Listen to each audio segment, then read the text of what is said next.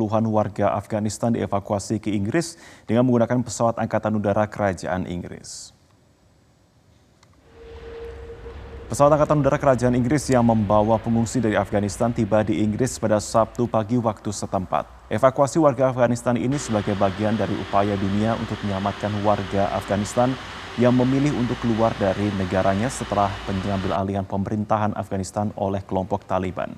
Pada hari Jumat lalu, Perdana Menteri Inggris Boris Johnson menyatakan sekitar seribu orang setiap hari dievakuasi di tengah kekisruhan warga Afghanistan yang ingin dievakuasi di Bandara Kabul.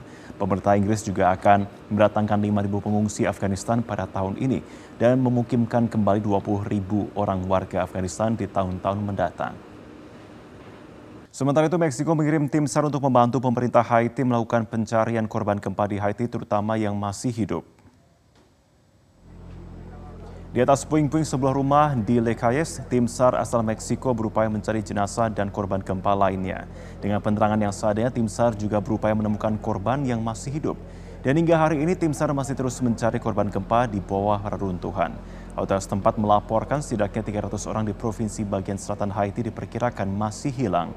Pada akhir pekan lalu, gempa besar dengan magnitudo 7,2 menghantam Haiti dan setidaknya 2.200 orang dilaporkan meninggal dunia dan lebih dari 12.000 orang menjadi korban luka. Gempa juga menghancurkan 100.000 rumah warga di seluruh Haiti. Misi kemanusiaan pemerintah Indonesia di Afghanistan direncanakan 16 Agustus dan dituntaskan 21 Agustus 2021. Dengan situasi keamanan di Afghanistan yang terus berubah, misi penyelamatan berhasil membawa pulang 26 WNI, 5 warga negara Filipina dan 2 orang warga Afghanistan.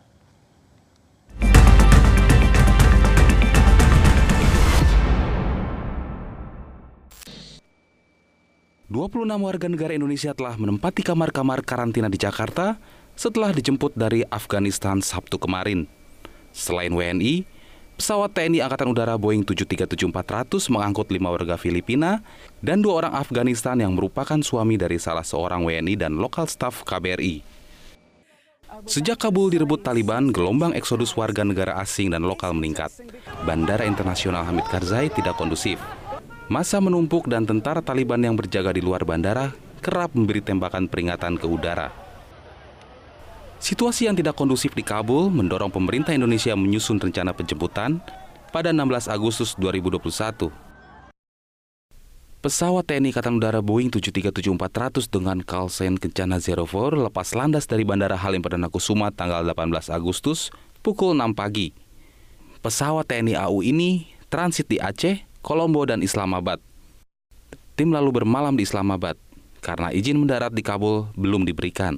Setelah Menlu Retno Marsudi berkoordinasi dengan NATO sebagai pemegang otoritas di Bandara Kabul saat ini, tim evakuasi bisa landing di Bandara Kabul pada 20 Agustus pagi pukul 5 lebih 17 menit waktu setempat. Dalam tempo 2 jam boarding, proses boarding WNI selesai dilaksanakan. Pesawat pun dari Bandara Kabul kembali ke Islamabad.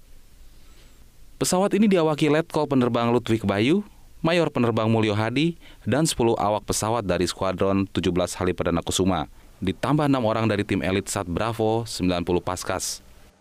Tim penjemput dan WNI tiba di Halim Perdana Kusuma pada 21 Agustus pukul 3 pagi dan langsung disambut Menlu Retno Marsudi, Panglima TNI Marsikal Hadi Cahyanto, dan Kasau Marsikal TNI Fajar Prasetyo.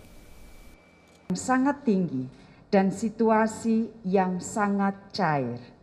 Semua kehati-hatian ini harus kita lakukan demi keselamatan warga negara Indonesia dan evakuasi lainnya, serta demi kelancaran pelaksanaan misi evakuasi secara keseluruhan. Rekan-rekan media yang saya hormati, awalnya evakuasi direncanakan dilakukan menggunakan pesawat sipil.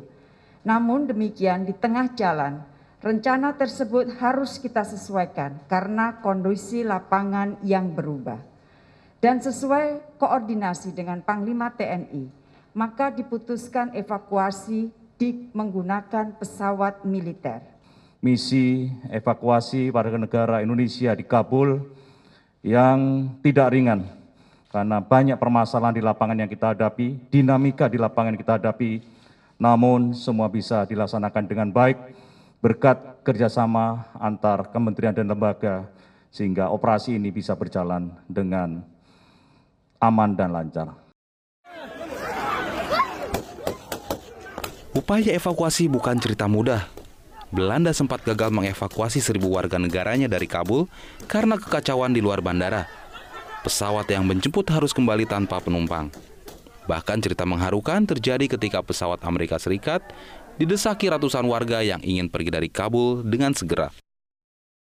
Menteri Luar Negeri Retno Marsudi menegaskan posisi Indonesia dalam menjunjung tinggi kedamaian dengan mengusulkan pertemuan ulama dan penguatan pemberdayaan perempuan. Dan kita simak wawancara dari Retno Marsudi dalam program Metro hari ini Sabtu sore kita memang diminta dan dapat diterima oleh dua belah pihak untuk ikut mendukung proses perdamaian itu sendiri. Oleh karena itu, di dalam proses perdamaian kita bersama dengan beberapa negara antara lain Jerman, Norwegia eh, dan lain-lain ikut mendukung proses perdamaian itu sendiri. Nah, tentunya proses perdamaian itu hanya dapat dilakukan oleh kedua belah pihak. Makanya eh, kalimat saya adalah Afghan own, Afghan led yang menentukan negara mereka seharusnya mereka. Kita bisa memberikan memberikan dukungan.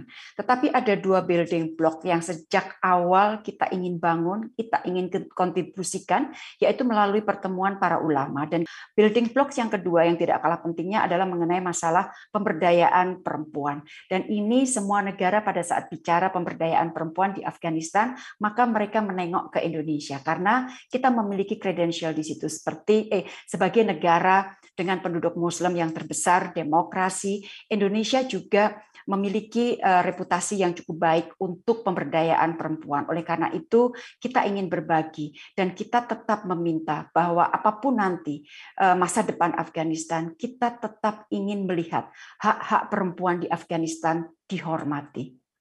Puluhan ribu orang warga di Afghanistan menunggu janji pemerintah Inggris yang berjanji untuk mengevakuasi semua warga Afghanistan untuk keluar dari negaranya.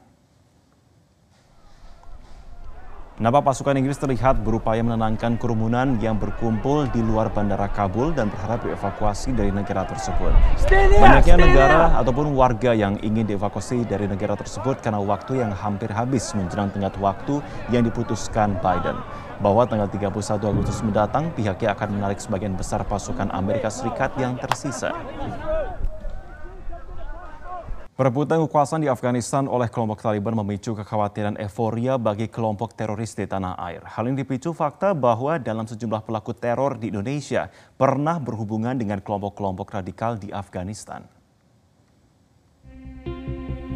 Di sini sudah jelas terjadi euforia di kalangan para jihadis.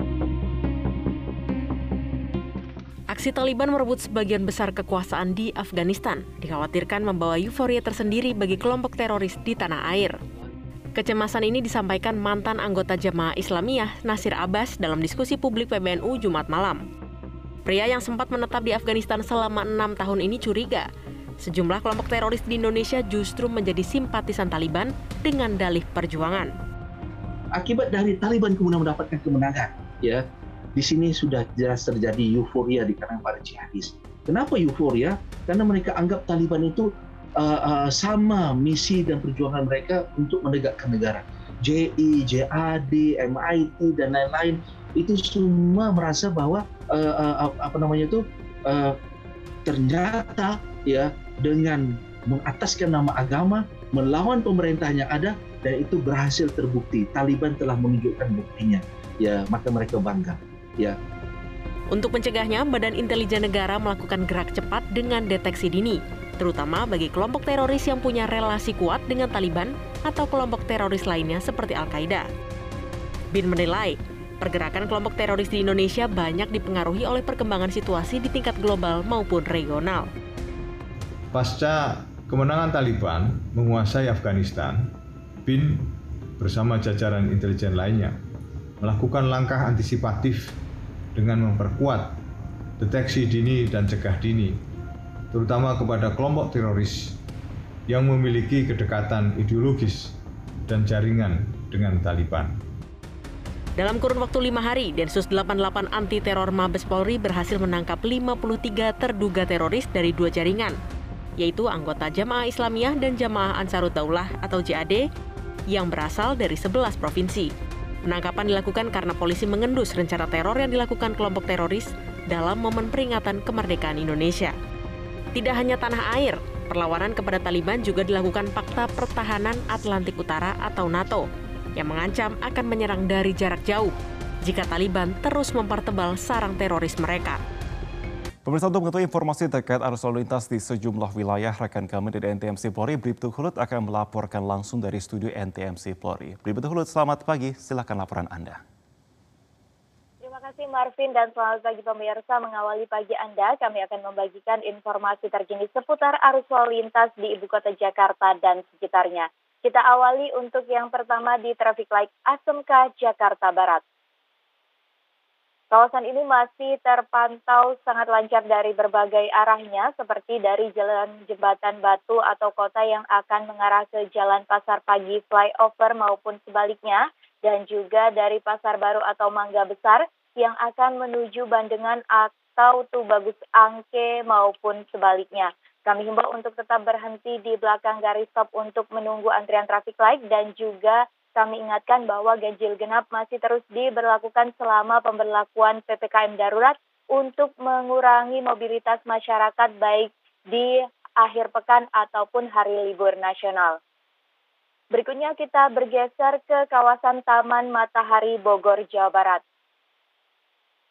Kawasan yang dipadati oleh para pengendara pada hari libur pada pagi hari ini arus lalu lintasnya masih dalam kondisi lancar baik dari arah Ciawi atau Jakarta yang akan mengarah ke puncak maupun sebaliknya.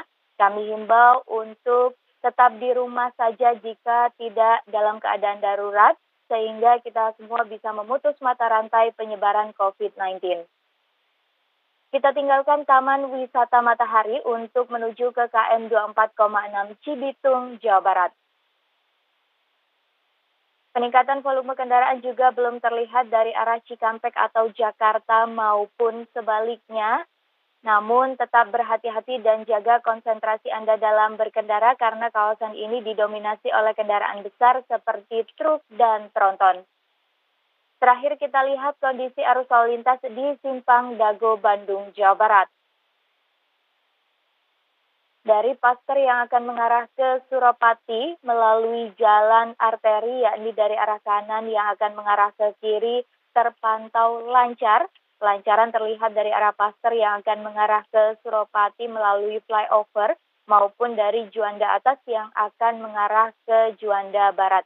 Harap berhati-hati dan saling menghormati bagi sesama para pengendara, utamakan para pejalan kaki dan